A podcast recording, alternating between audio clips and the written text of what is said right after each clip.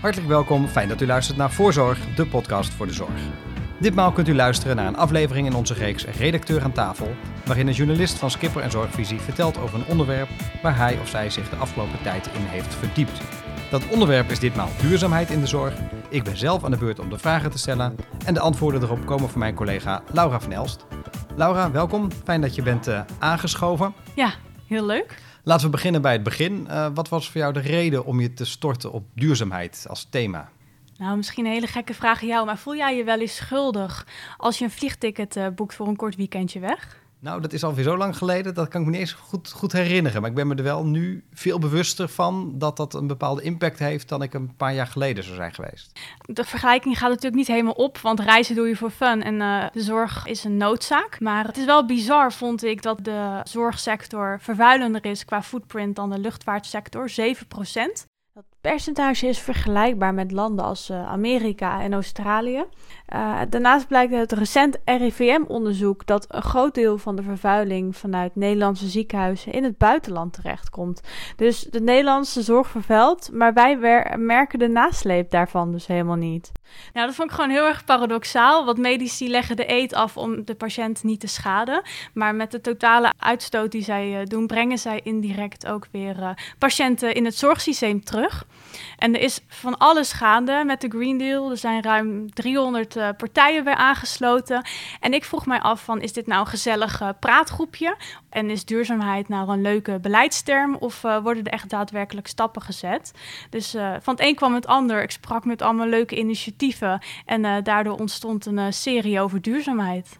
Ja, nou over die Green Deal die je al noemt, gaan we het straks nog wel hebben. wat ik eerst wilde vragen is, ja, je zou natuurlijk ook kunnen zeggen... Um, de zorg is dan misschien wel vervuilend, maar je geeft zelf wel aan, ja, het is ook dermate belangrijk dat je er eigenlijk nauwelijks omheen kunt. En je kunt ook zeggen, zeker met alles wat er nu speelt rondom uh, COVID, dat de zorg wel wat anders aan zijn hoofd heeft dan uh, zich volledig toe te leggen op uh, zo duurzaam mogelijk werken. Ja, wat je zegt, COVID heeft eigenlijk het bestuurlijke toneel gedomineerd. Maar toch is er de afgelopen twee jaar een ja, gigantische beweging op gang gekomen. Het mooie is, Bertina Lahuis van Radboud UMC vertelde dat in een gesprek. Ze zei, het is een ontzettend vreugdevol dossier. Het uh, tofu en geitenwolle sokken imago is verdwenen. Green teams komen met allerlei initiatieven en kennisplatforms reizen als paddenstoelen uit de grond. Van de groene huisarts tot de groene OK, groene IC. En het mooie is dat professionals dit er vaak extra uh, naast doen en tijd vrijmaken. Ik sprak bijvoorbeeld met Nicole Hunveld. Zij is IC-apotheker en projectleider bij uh, Erasmus MC. En zij heeft de missie om de intensive care te vergroenen. En zij vertelde dan ook dat dit soort initiatieven als een verademing worden beschouwd. Om te weten voor de luisteraars, uh, dat is, een, is eigenlijk een primeur. Dat jij niet alleen zelf vertelt uh, wat je bevindingen zijn, maar dat je ook wat audiofragmenten hebt meegenomen. Dus daar gaan we naar luisteren. Laatst hadden we hier een groene modeshow verpleegkundige in jassen. Eh, ik had een groene loper gekocht. Nou, hop over die loper. Grote lol. Weet je, even een afleiding van de COVID-zorg. Die initiatieven heb je wel nodig. En ook, ik vond ik een verpleegkundige wel het meest uit het Green Team. Die, die zat ik even daarna mee. Ik zeg, joh, is het met je? Oh, loodzwaar. Zeg maar, red je dit dan? Oh, zei ik ben zo blij als het even Green Team is. Dan heb ik gewoon even iets leuks in mijn hoofd. Dat, dat brengt het ook voor mensen. Even gewoon iets anders. Even eruit even brainstormen of hard lachen. Dus dat, als je het zo kan draaien en, en je het voor mensen leuk maakt, dan gaan ze gewoon meedoen. Zoals je dus hoort, inderdaad, het is echt even een verademing. Even iets anders dan de dagelijkse gang van zaken. En een hele mooie plek waar uh, verbinding ontstaat. Dan kan ik me wel voorstellen dat dat voor de ene medewerker in de zorg meer zo voelt dan voor de ander. Die voelt het misschien toch meer als een verplichting. Uh, je geeft ook aan dat eigenlijk de afgelopen twee jaar dit vooral in, in opgang is uh, gekomen. Is het ook een generatieverschil daarin? Zijn het vooral de jongere bestuurders en medewerkers die hiermee bezig zijn? Of doe ik dan de oudere generatie tekort? Ja, ziet, daarmee doe je de oudere generatie inderdaad tekort. Denk maar aan uh, figuren als Kati van Beek, Peter Blankenstein. En zo zijn er vele anderen die duurzaamheid aanjagen. Duurzaamheid is dus niet per se iets van de jonge generatie. Maar de jonge generatie is wel wakker geschud en heeft ook een stem gekregen. De jonge specialist heeft zich ook uh, aangesloten bij de Green Deal. En uh, zij kregen vaak in de praktijk terug van, goh, hoe ga ik nou met toch wel zo'n abstract, allesomvattend uh, onderwerp als duurzaamheid aan de slag? Hoe kan ik uh, in mijn dagelijkse werk als jonge zorgprofessional het verschil maken? Om uh, dat handen en voeten te geven en dat je niet zelf de krochten van het internet hoeft af te zoeken, heeft de jonge specialist een handreiking gedaan. Groen, groener, groenst. En daarmee geven ze context aan de hand van die vier pijlers van de Green Deal. Um, ze noemen allemaal inspirators. En uh, ja, echt concrete voorbeelden hoe je op micro, uh, meso en macroniveau als uh, zorgprofessional het verschil kunt maken in jouw omgeving en dat geldt natuurlijk niet alleen voor de jonge generatie, dat is natuurlijk ook relevant voor de oudere generatie.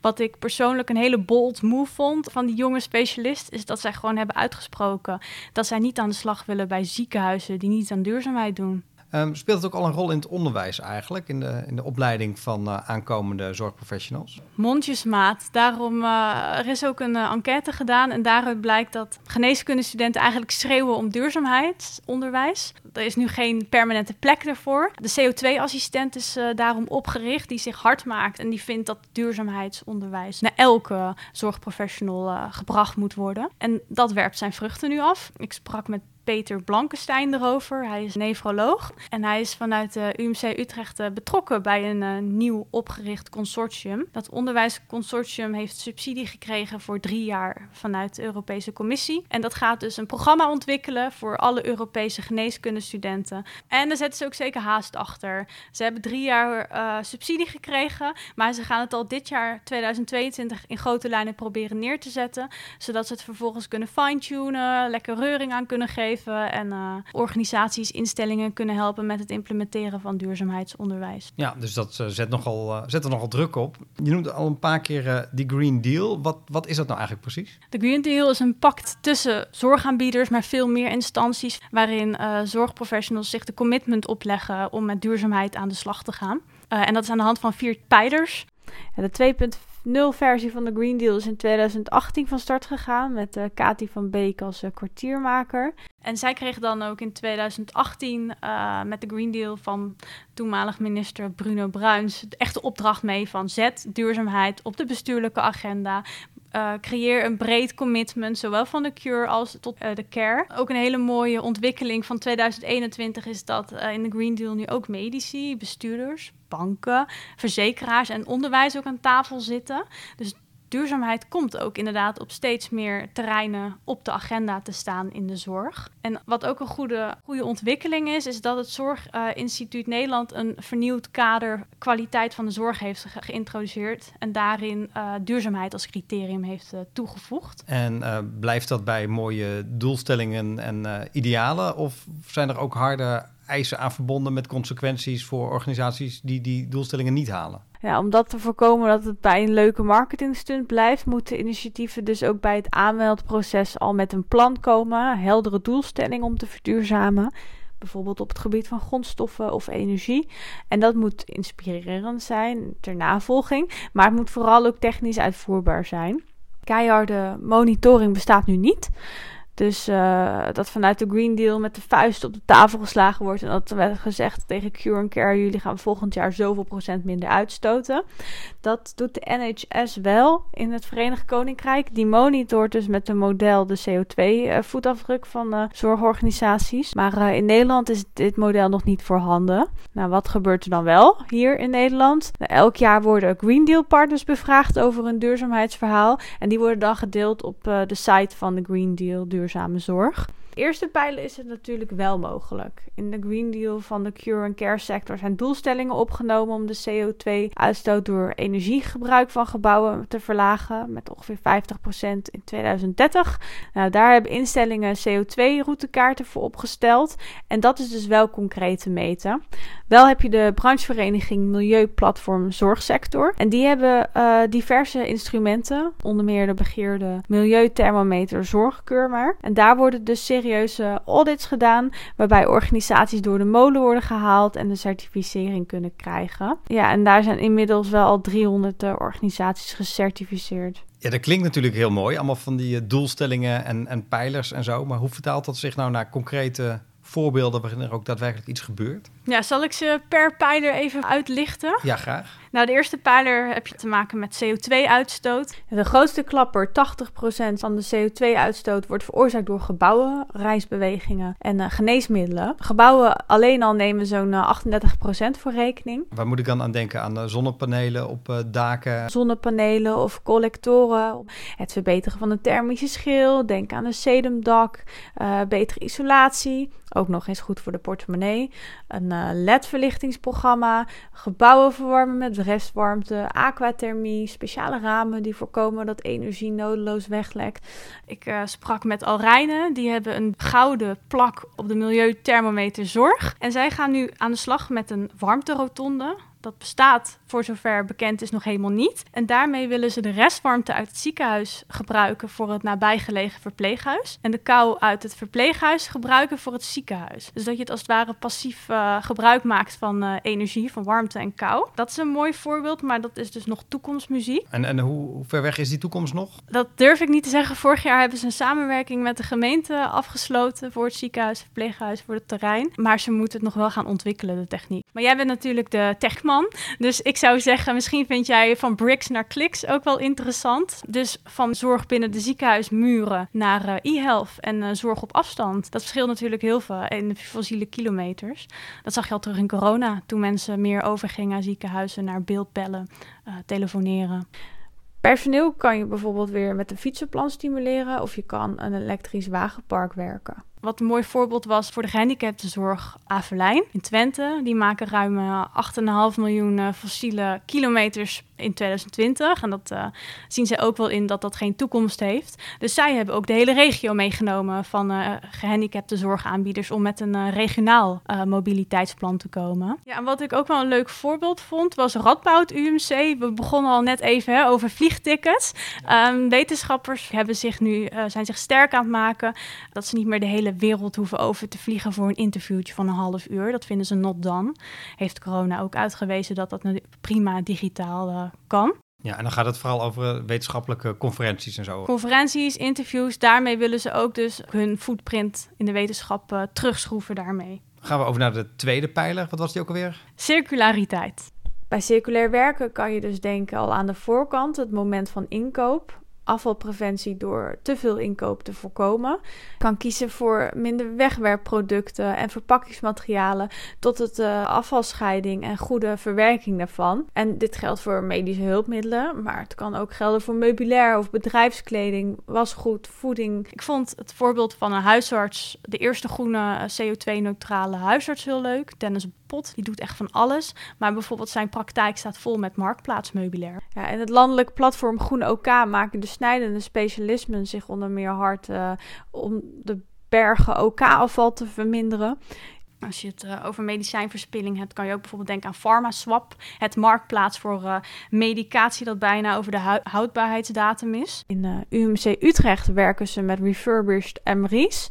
Maar dan moet je denken ook met uh, leverancieren om tafel, om ervoor te zorgen dat het ook daadwerkelijk kan. Of... Daarvoor heeft uh, het UMC overlegd met Philips dat MRI's niet elke tien jaar vervangen worden, maar dat onderdelen vervangen worden. En dat, dan zal het voor een hoop mensen extra interessant worden als het niet alleen aan de duurzaamheid bijdraagt, maar ook gewoon nog uh, financieel gunstig uitpakt. Exact. Dat is het beste van twee werelden. Of tijd, ja. Het hoeft ook niet altijd heel erg uh, ingewikkeld te zijn, hè, duurzaamheid.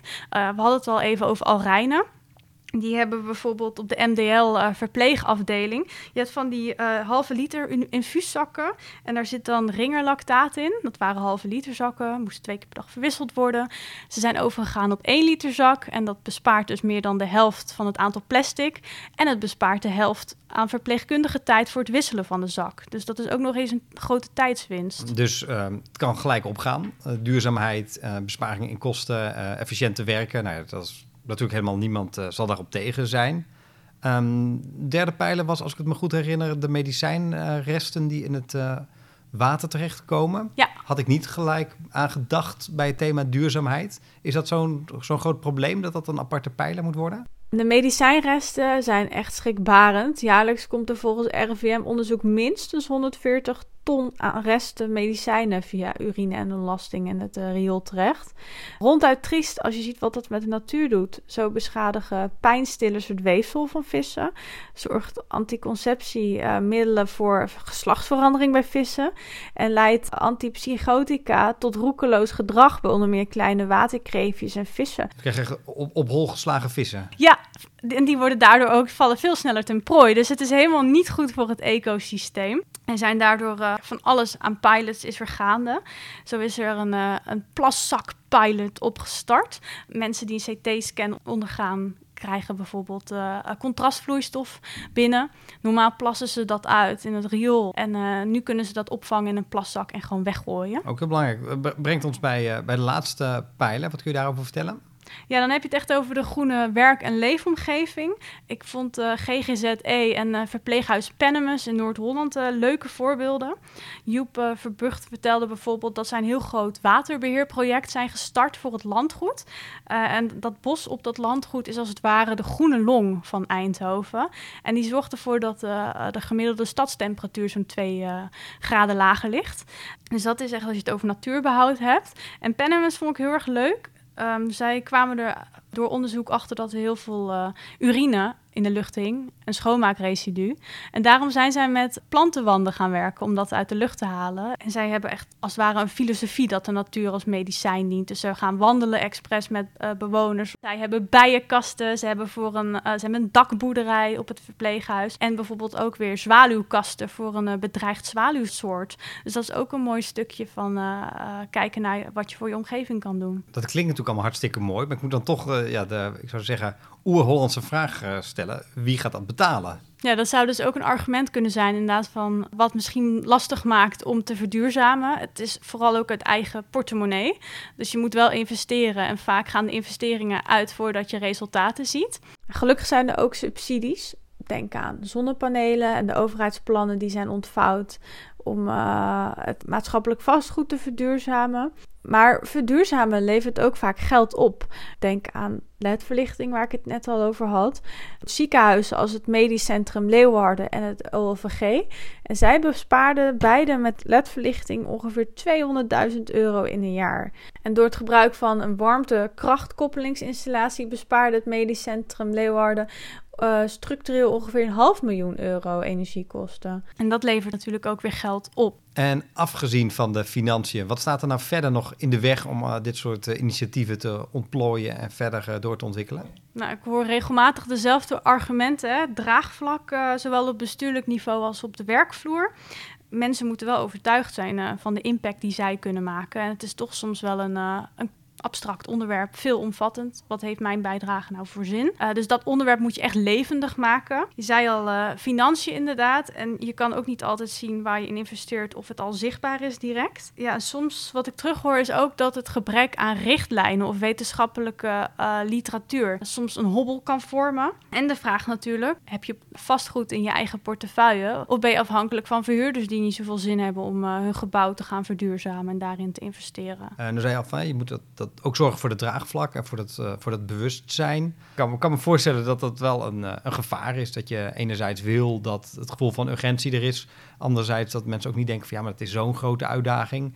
Of ik mag bijna niks meer doen, want ik moet me overal uh, ja, schuldig over. Nou, dat is ook wel wat je zegt, schuldig voelen of opleggen. Dat is ook wel wat je veel terug hoort van bestuurders ook, maar ook van de managers en de green teams. Van het komt, het initiatief komt vaak al van de werkvloer. Het opleggen dood cre creativiteit en zorgt juist inderdaad voor die weerstand. Maar als je de werkvloer faciliteert en ruimte geeft en als bestuur zegt wij dragen het uit, kom met ideeën en wij faciliteren het, dan ontstaat er alweer een hele andere flow dan die negativiteit. Nou doet het natuurlijk ook iets met, uh, met de inkoop. Daar zul je ook op moeten letten, neem ik aan. Dan heb je altijd een balans tussen ja, de, de, de idealen en de, en de financiën.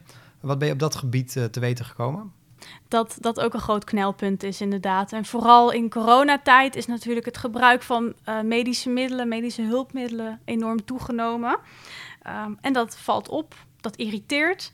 Kijkend naar Erasmus MC, op de IC levert daar een patiënt per dag zeven volle vuilniszakken op, die zo naar de afvalverbranding gaan. Een grote klapper kan dus ook qua duurzaamheid, bijvoorbeeld aan uh, duurzamere productie, duurzamere verpakkingsmateriaal of het mogelijk maken dat het überhaupt gerecycled kan worden. En, maar daarvoor ben je natuurlijk wel weer afhankelijk van de leveranciers. En dat vertelde uh, Nicole Hunveld mij ook. Oké, uh, dat heb je ook meegenomen als fragment. Gaan we daar nog eventjes naar luisteren daar moet nog een hele uh, verandering gaan plaatsvinden dat die leveranciers ook hun producten gaan aanpassen. Dat merk je ook bij de Groene OKA en ook bij de Groene Huisarts. Daar zitten we met z'n allen wel, dat is één hele grote robbel zeg maar, voor ons allemaal. Want hoe krijgen we die leveranciers zover dat zij bereid zijn een verpakking anders te doen of een dopje wat we nooit gebruiken eruit te laten? Die gesprekken moet je gaan hebben. Daar heb je echt wel tot 2030 voor nodig. Ja, een organisatie die al heel ver is bij het stimuleren van uh, leveranciers is Alrijnen. Dus ze zijn de groenste zorggroep van Nederland. Ja, en wat interessant is, wat Alrijnen ook zegt, zij willen niet alleen hun eigen ziekenhuis verduurzamen, maar ook leveranciers een uh, eindje op weg helpen. En daarover vertelde Simke de Jong, hij is uh, manager huisvesting en techniek, en zijn collega Saskia Wesselink in het volgende fragment. Ja, met de bouw kijken we heel erg bij de voorselectie dat het een selectiecriteria wordt. En nu vragen we aan de voorkant van wat ga je doen aan duurzaamheid? Want wij vinden het een belangrijk onderdeel van onze, organisatie. Dan moet dus aan de voorkant komen met een duurzaamheidsplan. En dat wordt eigenlijk best wel zwaar gewogen ten aanzien van de selectie van de uh, aannemer of installateur. Maar daarnaast hebben we ook gekeken naar, uh, hebben een screening uitgevoerd met onze top uh, zoveel leveranciers van oké, hoe duurzaam zijn jullie op dit moment? Als een soort van nulmeting. We zijn met uh, onze top 5 leveranciers in gesprek van goh, wat doen jullie eigenlijk op het gebied van duurzaamheid en hoe kunnen wij daar gebruik van maken? En hoe kunnen we elkaar eigenlijk daarin helpen? Dus we zijn ook echt, uh, ja, we proberen daar een samenwerking aan te gaan. Dus hou het niet alleen binnen je eigen ziekenhuis of je eigen zorginstelling, maar breng het ook naar buiten toe. Ga in gesprek met de leveranciers. Want hoe meer mensen dat doen, kijk, wij doen het nu, maar als er straks honderd andere zorginstellingen zijn die dat ook doen, dat weegt veel zwaarder. Ook voor een leverancier om ook stappen te zetten. Dat klinkt dus alsof zij daar heel voortvarend mee uh, te werk gaan. Als er nou um, zorgprofessionals of bestuurders of beleidsmakers naar deze podcast luisteren en denken van ja, ik wil eigenlijk ook wel verduurzamen, maar het staat bij mij nog niet zo hoog uh, op de agenda of ik ben er nog niet zo uh, actief mee bezig. Wat zijn nou veel gehoorde tips die zij mee kunnen nemen? Het zijn ontzettend veel tips waar ze mee aan de slag kunnen gaan. Uh, daarover sprak ik met Avelijn-bestuurder Susanne Bentvelsen. Uh, zij sprak onder meer, zij gaf uh, tips en tricks tijdens het webinar van VWS. Um, en zij vertelde ook in een interview met Zorgvisie waar zorgbestuurders kunnen beginnen. Zeker aansluiten bij de Green Deal voor de duurzame zorg. Omdat dat je gewoon echt heel veel kennis en handvatten biedt om aan de slag te gaan. Creëer een plek waar uh, die groene professionals in je eigen organisatie, die er absoluut zijn, maar die je nog niet kent, maar waar die terecht kunnen. Maak het ook niet te ingewikkeld. Dus uh, het is een kwestie van een budget beschikbaar stellen om aan de slag te gaan. En dan vormt een programma zich vanzelf. Je gaat gewoon beginnen met dingen die sowieso nuttig zijn om te doen. En dat laaghangend fruit, uh, dat leidt ertoe dat je vanzelf op ideeën komt van wat er verder nog zou kunnen gebeuren. Iedere locatie heeft allerlei mogelijkheden om kleine stappen te zetten. En dat gaat vanzelf draaien. Want mensen op de werkvloer weten waar de knoppen zitten om aan te draaien. En maak het zichtbaar. Ook weer om dat enthousiasme in de organisatie. Eh, om te laten zien wat we bereikt hebben. Welke mooie verhalen er zijn. Uh, Start-ups die innovatieve ideeën hebben. Die van alles en waar je mee kunt samenwerken. En ja, er is, er is zoveel mogelijk eigenlijk. Nou, dat zijn al, al, al, een hele hoop uh, dingen waar je mee uh, aan de slag kunt als uh, organisatie. Heb je verder nog andersoortige tips opgehaald en uh, te horen gekregen? Zeker. Ik maak jou heel blij waarschijnlijk met het woord data. Oh, dan doe ik een sprongetje in de lucht. Meten is weten. Uh, dat blijkt ook uit de woorden van uh, Evelien Brakema tijdens een webinar van VWS. Zij is, ik kan er bijna wel een duurzaamheidsgoeroe noemen. Zij richt allerlei green teams op. Zij is LUMC-onderzoeker naar duurzame zorg. En zij vertelde tijdens dat webinar van... Goh, doe nou aan data-driven duurzaamheid. Um, dus breng nou in kaart, maak nou in, uh, tastbaar wat voor een impact je maakt met je tijd, je geld en je middelen. En, en hoe, hoe kun je dat nou doen? Hoe, hoe breng je dat nou in kaart? Zij haalden twee tools aan, onder meer de Impact Haalbaarheidsmatrix. En dat is dus een middel om inzicht te verwerven in mogelijke acties, dus al aan de voorkant. Heel verleidelijk om bijvoorbeeld gelijk naar die plastic bekertjes te grijpen en dat te vervangen voor een duurzamere variant. Dat is heel eenvoudig, maar je maakt daar niet heel veel impact mee, behalve dat je bewustzijn creëert. Lastiger, we hadden het al over onderwijs, maar met veel meer impact is bijvoorbeeld alle professionals opleiden of bijscholen in duurzaamheid. Maar dat is wel complex. Dus het liefst zoek je een beetje de balans tussen die uh, twee uitersten. Het liefst zet je dan in het kwadrant dat iets haalbaar is en veel impact heeft. En dan kan je bijvoorbeeld weer kiezen voor een duurzame uh, variant van medicatie. Je zei al van een keer van is het meetbaar? Nou, qua vastgoed en afvalproductie is het makkelijker om uh, effect te meten um, en door te rekenen. Maar andere initiatieven zijn weer moeilijker in kaart te brengen. En daar is ook gewoon nog meer onderzoek voor nodig. En daarom gaf zij als tweede tool een beetje als uh, vuistregel gebruikte zij de ladder van circulariteit.